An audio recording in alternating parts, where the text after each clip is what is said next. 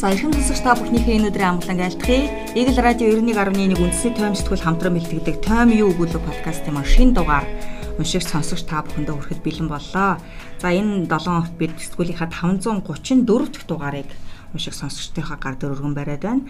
За Time сэтгүүлд орсон онцлог нийтлэл ярилцлагуудаас танилцуулахад танилцуулахаар үндэсний Time сэтгүүлийн ерхий хэрэглэгч Ган Гэрэл за нийтлэлч сэтгүүлч Даасрын Лавхсарнаар ажиллаж байна. За өдрийн мэнд төргийн хоёроо. Өдрийн мэнд.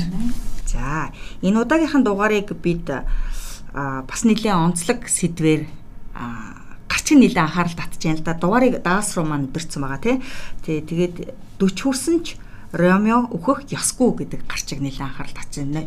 Онцлог нийтлэлийг хэн бич юу яагаад юу нэг сэдвийг хүнд болсон юм болоо даа. За энэ удаагийн онцлог нийтлэлийг дайм ахмын бичсэн. За агуулгын хувьд одоо үе хоорондын зөрчил, үе хоорондын сөргөлдөөний талаар хөндөж бичсэн байгаа. Тэгэхээр ер нь бол одоо хүн хоорондын харилцаанд, ажлын, амьдралын ингээд маш олон харилцаан дээр үе хоорондын зөрчилдөөн бол үеийн үед үүсдэг.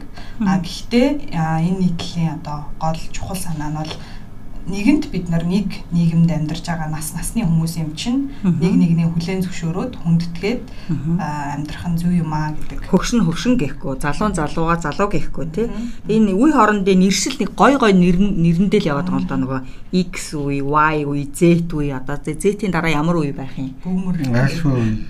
Тий мэтчлэн тэр гол нь энэ ямар ч нийгмийн үед бол байсан. Тэгэхээр бие бинийгаа тэрүүгээр нь өгөөсгөх биш харин энийгээ үнд зүйлээ нэгтгээд урагшаа харахын чухлыг л өгүүлсэн байгаа юм л да.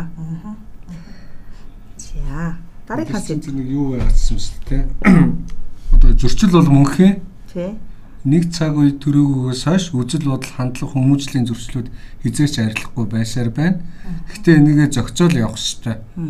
Одоо шинэ сүүлийн үед бол өмнөх үеийг айгүй өмнөх үеч гэж тэ жоохон арай настай хүмүүсийг бол айгүй их тийм өгөөсөх хандлага гарч штэ. Нөгөөдөл нь болохоор зөрүүлээ залуучуудаа та нарын үед юм байгаагүй. Та нарын бид нарын үед юм байгаагүй. Одооны хүүхдүүд гэдэл ярьдаг.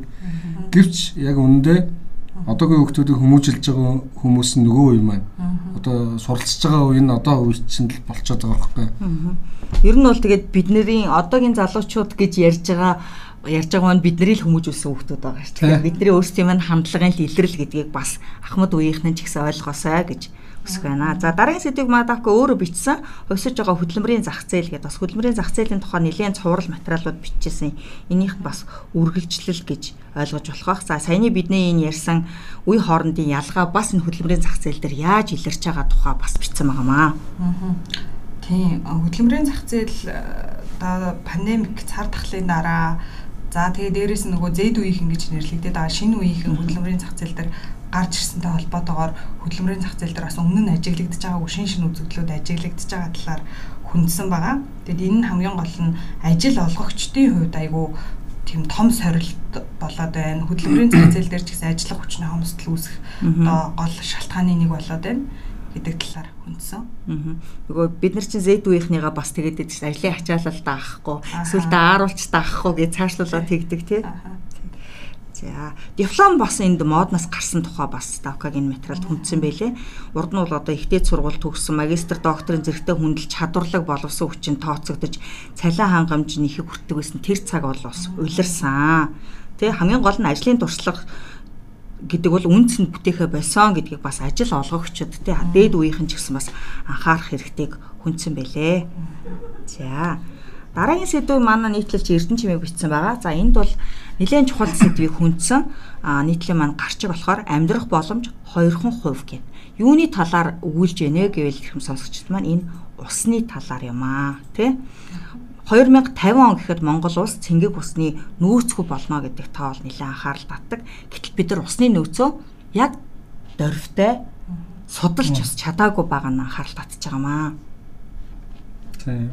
Ер нь Монгол улсын хэмжээнд болохоор яадаг юм байна л да.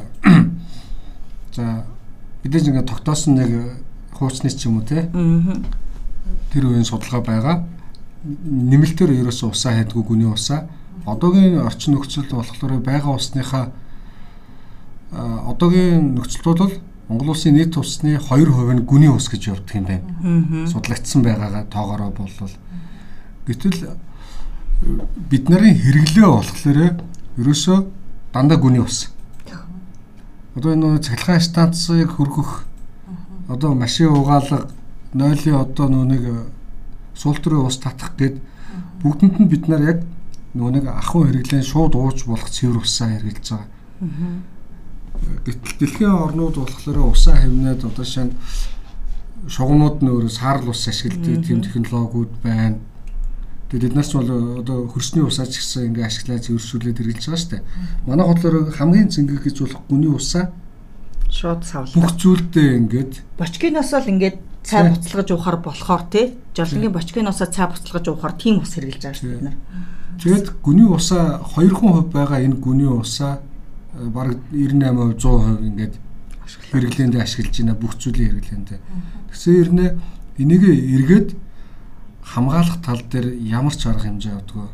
Гүний усыг ерөөсөө бохирдуулж байгаа хамгийн том хүчин зүйл бол хөрсний бохирдол тэр тусмаа одоо нэг нөхөн жорлон биш шүү дээ. Тэгэхэд Улаанбаатар хотын хэмжээнд тэгэхэд за 190 хэдэн мянган тийм нөхөн жорлон байна гэж байгаа байхгүй. Гэтэл гэр хороолд одоо хүн амын Улаанбаатар хотын хүн амын бол талаас өвлөө хувь амьдарч байгаа шүү дээ. 200 мянган гэр хороолтой гэр хороолын айл байдаг гэж ярьдаг байсан. 200 мянган яндан байгаа гэлдэг. Тэгэхээр нэг одоо нөхөн жорлонд одоо 4-5 ам болж гэдэг юм уу те. Ийц чи нэгэ тооцсон. Гэтэл нэг хүний өдрийн тийм нэг судалгаа бас тоо байлаа. Нэг хүн өдөрт хэдэн грамм гтсэн байсан бэ? ялгцсан ингээд ялгарч байгаа хэмжээгээр нь тооцохлоор хөрсөн төр бол шууд орж байгаа.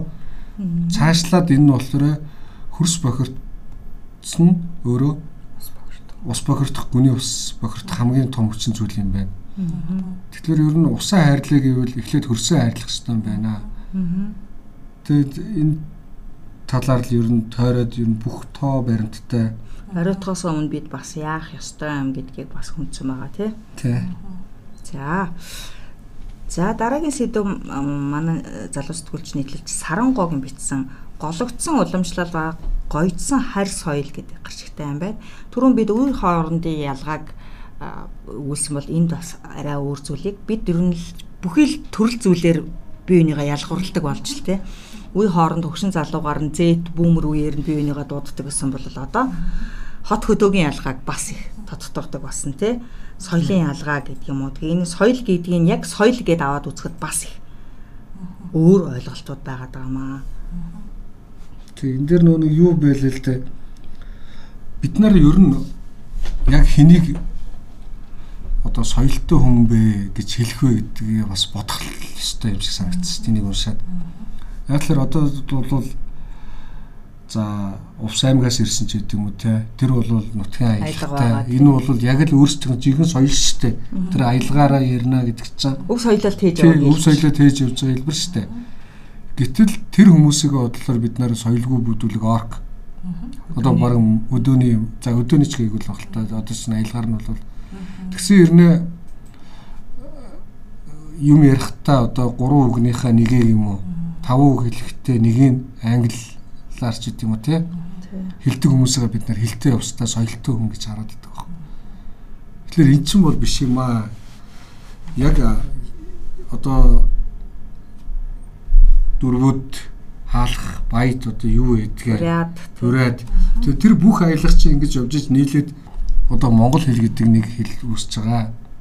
Энд бол аялга бол яг ингээд уламжлагч ирсэн жинхнээсээ өв соёл нь.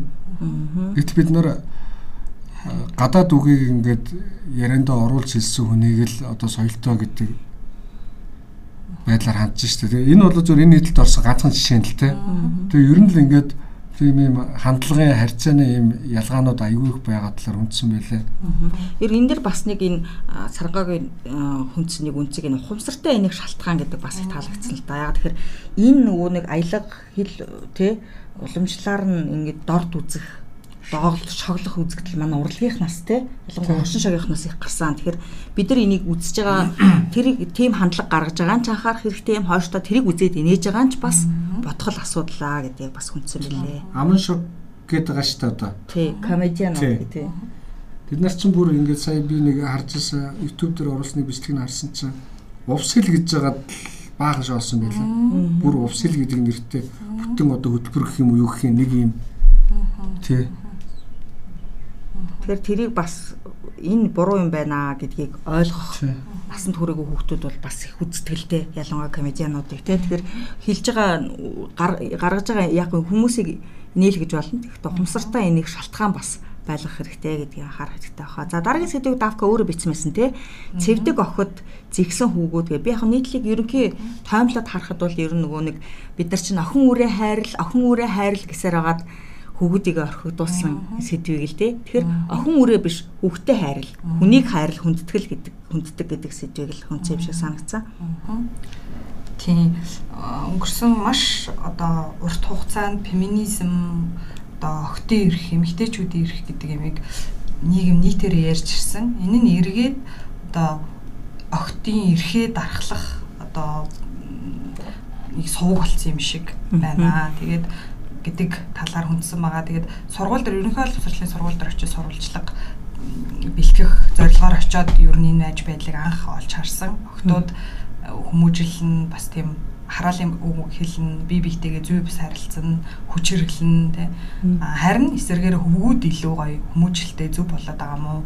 Бид нар бас эцэгчүүд тэ эргээд анхаарах хэрэгтэй мó гэдэг санаагаар утсан байгаа.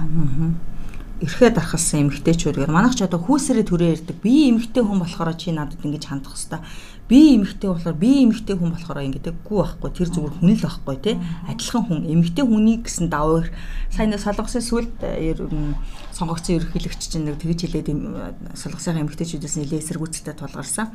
Хамгийн түрүүнд тэгш байдлын яамыг татаж буулгана гендерийн тэгш байдлын яам гэж солонгост байт юм байл л дээ. Тэрийг татаж буулгана ягаад тэгэхээр эмэгтэйчүүдийн эрхээс илүү хүний эрхийг тархалдаг болно гэдэг тийм манад ч бас тэр зарагддаг. Ялангуяа манай охид бүсгүйчүүд нийгмийн сүлжээх хөгжсөнтэй холбогдуулаад би эмэгтэй хүн болохоор надтай энэ ингэж харьцлаа гэдэл ингээл хаа хамаагүй нэг осол аваар хийсэн ч гэсэн те бичлэг тавиал автобусанд хүнтэй маргалцсан ч гэсэн бичлэг тавиад. Тэгэхээр тэр хүн өөрөө эхлээд төрүүлээд ямар өгүүлбэр хэрэглэснийг нь бол сүлжээ ашиглаж байгаа хүмүүс бид нар мэдэхгүй шүү дээ тий монтажлаа тастаал тавьчихаа тэгмүүд эмэгтэй хүний энэ хүүсэрээ хэдийгээр би эмэгтэй хүн ч гэсэн эмэгтэйчүүдийн хүүсэрээ давмгаалж төрөмгийлдэг байдал бол үнэхээр таалагддаг адилхан хүн шүү Одоо ч та хоёр яриад би сонсоо суугаад байна. Ер нь энэ дэр ийм юм билээ л дээ. Ер нь эцэг эхчүүд ер нь бүгдээрээ л нэг охин хүүхд хэлгээд идэг. Сайн нэг охин өөрөө хайрлгээл сайн хэлж штэ. Тэрнээс тэгэл одоо хөдөөд болвол за чи охин чинь хот руу сургууль соёл бараадуулъя гэж явуулдаг. Эрэгтэй юм чи малаа мал гэж үлдээчдэг ч юм уу те. Тэгээд одоо нөө гендер гэдэг үг маань ер нь яг ямар утгатай вэ? Гендер гэдэг чинь хүсэл гэсэн үг шүү дээ. Эмэгтэй хүний хүүс биш байхгүй. Харин тийм. Одоо тэгсэн чинь ерөөсөө бид нар гендер гэхлээр л эмэгтэй хүмүүсийн асуудал гэд ойлгоцсон. Тийм. Одоо тэгээд та хэд ингээд анзаардгүй. Ингээд гендерийн тэгш байдлын үндэсний хороо мороо энэ төр гэл ингээд өчнөө юм байна. Их хурал дээр ингээд айгүй олон юм ярьдаг. Тэгээд сонгуулийн хууль энэ төр оруулж ирэхлээрээ эмэгтэйчүүдэд квот энтер гэдэг өгдөг байхгүй 15% энтер гэдэг. Тэгэд ер нь бол эмэгтэйчүүд 50% байх боломжтой шүү дээ. Тэгэхэд яг 15% квот гэж байна. Тэгээд хамгийн гол нь тэр 15% квотын төлөө эмэгтэйчүүд нүхэн хатан зүтгэдэг 10% квотын төлөө. Тэд нар 10% гээд квот заагаад өчтөлөр ер нь ямар ч газар 10% л үгүй шүү дээ. 15% гээд заагаад тэд нар 50% 90% байж болох байхгүй. Юу? Тэгэд ер нь ингээд харахаар төрийн албан агчдаг ч гэсэн ингээд харахаар одоо л ингээд бид нар ингээд харагдтал эмгтээчүүд айгүй юм баг юу яагаад байна ч гэдэг юм уу те? Өдөрт хаалтнчлал байхгүй ч гэдэг юм уу? Тийм зүйл яриад байдаг. Яг төрийн дээд чатандаа л ихээс биш төрийн дунд чатанд бол ерөөсөө эмгтээчүүд л бүх зүйлийг удирж штэ эмнэлэг сургууль цэцэрлэг бол ерөөсөө нийгмийн салбарыг ер нь тэр чигтэнд бацсан штэ манайхаа За. Тэндээс зүрх багаас нь эхлээд зүрх охид гэхгүй зүрх хүүхдүүдээ ижлэхэн тэгээд хүний хүндэлж сургаасаа л гэж өсгөр байна. За дараагийн сэдвийг манай Лусын амдан бичсэн тос тос дотроосон өтдөг гэд. За энд ямар сэдвийг онцолж хүндхийг зорьсон бэ гэхээр ганцхан хүний ёс зүйгүй үйлдэл, мэрэгжлийн бос үйлдэл, хандлагаас олж салбар нь бүхэлдээ болж өгөхгүй ялзарс мат нийгэмд харагдаж байгаа тохиолдол манад маш олон байгаа. Тэг хамгийн учир дутлагдлалт маань аль салбарч байгаа үүсэж байгаа энэ буруу бохсон асуудал бүрийн цаана төр нийгмийн гажуу тогтол за ер нь яг тухайн салбарынхаа өөртөө буруутай байдаг. За энэ дээр бол маш топ жишээ нь манай сэтгүүл зүйн салбарынхан гэж би хардаг тий. Өнгөрсөн 7 хоногт бас тэр нэг хувийн дон сургуулийн асуудал дээр очиад манай сэтгүүлчид өөрсдөө тэр хүний хүнээс асуулт асууж чадахгүй тэр сургуулийн менежерийг өгж байгаа тайлбартал унжээлээ штэ. Тэгэхээр тэр нийгмээрээ одоо сэтгүүлчд муухач гэдэг юм уу сэтгүүлчд боловсралгүй харанхуй хүний хэлж байгаа үг ойлгодгүй гэсэн ийм үзэл хандлагыг нийгэм дэлгэрүүлчих жоохгүй. За эрүүл мэндийн салбар дээр мөн адилхан тий эмчнэр өргөө амарчих газрын асуудалтай холбогдлуулж өнгөрсөн сард нэлээд том дуйлаанд ийгдсэн. За тэгэхээр ингээл өөрөөсөө тэр эмчтэйгээ маргалдж байгаа дотор асуудал байж болно тэрийг гаргаж илэрхийлж байгаа хандлага гэдэр ингээ харахад тэр салбарыг өрсдөө л муухай харагдуулж байгаа. Гэх мэтчлэн салбараа муухай харагдуулж байгаа жишээнүүд маш олон. За энэ бол манай Лувсагийн энэ нийтлэл дээр бас жишээ авсан зүйл бол нэрчим хүчний хулгай гэдэг зүйл бас бүр дээр үеийн социализм үеэс одоог бодвол одоо тэр механик тоолууртай байх үеэс ахуулаад тоолуурыг буцаах, гацаах тий одоо цахилгааны мөнгө дундаас нь завших үйлдэлийг хэн гаргаж өгдөг байсан гэхээр тухайн үеийн мончорууд тий гих мэтчлэн дотроос хулгай гардаг. Энэ одоо одоо ч бас зүдэлээ арилаагүй байгаа шүү. Одоо энэ автобусны жолооч нар л байна шүү тий. Аа зөвхөн одоо зорчигч карт уншуулад явж хөвшүүл автобус нийтийн тээврээс салбар нь ч гэсэн орлогоо бүтэн аваад тухайн өөрөө ажил хийж хөдөлмөр эрхлэж цалингаа авж байгаа компанийн ашиг орлого ч гэсэн нэмэгдэн шүү. Тэгэхэд тийхгүй яг нь ойлоо одоо зүгээр зорчигчийн сул мөнгийг аваад ингээ бууж байгаа юм ч бас өөрөө салбар буцаад карта болиё гэдэг юм яриад байна. Тий, буцаад карта болио зөвхөн мөнгөөр үйлчлээ буцаад кондуктортай болъё гэсэн асуудал яригдаж байна. Тэгэл ер нь тэр хэдэн жолоочийн асуудлаас л болж байгаа байхгүй. За. За дараагийн сэдвийг манай хонгор зул битсэн үнгүү бяцлах хавханд л байдаг гэ. За энд ямар сэдвийг онцолж байгаа гэхээр цахим мөрөөдө тоглоомын хэрэглээ бол Монгол улсад бар хэрэгс хитэрч байна. За Монгол улсад бооцоо тоглоомын вебсайт хэрэглэгчдийн доо 100 мянга холд авсан. Энэ бол одоо бас цөөхөн хүн амтаа улсын хувьд бол нэлээд анхаарал татсан доо. За үүнээс идэвхтэй буюу байнга одоо энэ цахим мөрөөдө тоглоомд нэг осны бүр донгдсон амьдралынх нь хөвшил болсон гэж хэлж болохоор 15-аас 20 мянган хүн байна гэж тооцоолж байгаа. За энээс үүдэлтэйгээр Монгол улсаас 1 сард энэ тоогт хоёр анхаараараа 1 сард 10 гаруй тэрбум төгрөг жилдээ 100 гаруй тэрбум төгрөг гатагшаа урсдаг. Энэ бол бүр маш аимшигтай тоо харагдаж байгаа. Баялаг бүтээхгүй байгаа мөнгөө тий арик гэж олж цуглуулж байгаа мөнгөө ингэж үрж байгаа гэдэг нь бол бас аюултай санагцсан. Нэг 800 хятад орж ирээд л манад ч нэг сүр дуулянтаа шалгалт хийгээл те. Цахим мөрөдөө тоглоом монголчуудыг шулах гэж орж ирж байна гээл тэгжсэн. Тэгээд тэрнээсээ л бас бид долоон дор өөртөө гадагшаага алдчихж байгаа. За бас нэг хэлбэр нөгөө цахим мөрөөдөө тоглоомтой ганц покер энэ зүйл хамаарахгүй бет гэдэг юм тавьдаг болсон. Өөрөөр хэлбэл нөгөө спортын бооцоо. Тийм бет төр чи бас үнэн биш юм шүү. Уу яг мэдээж спортын бооц нэг түрүүний яг покер тоглохоос бол арай өөр л дөө. Аа.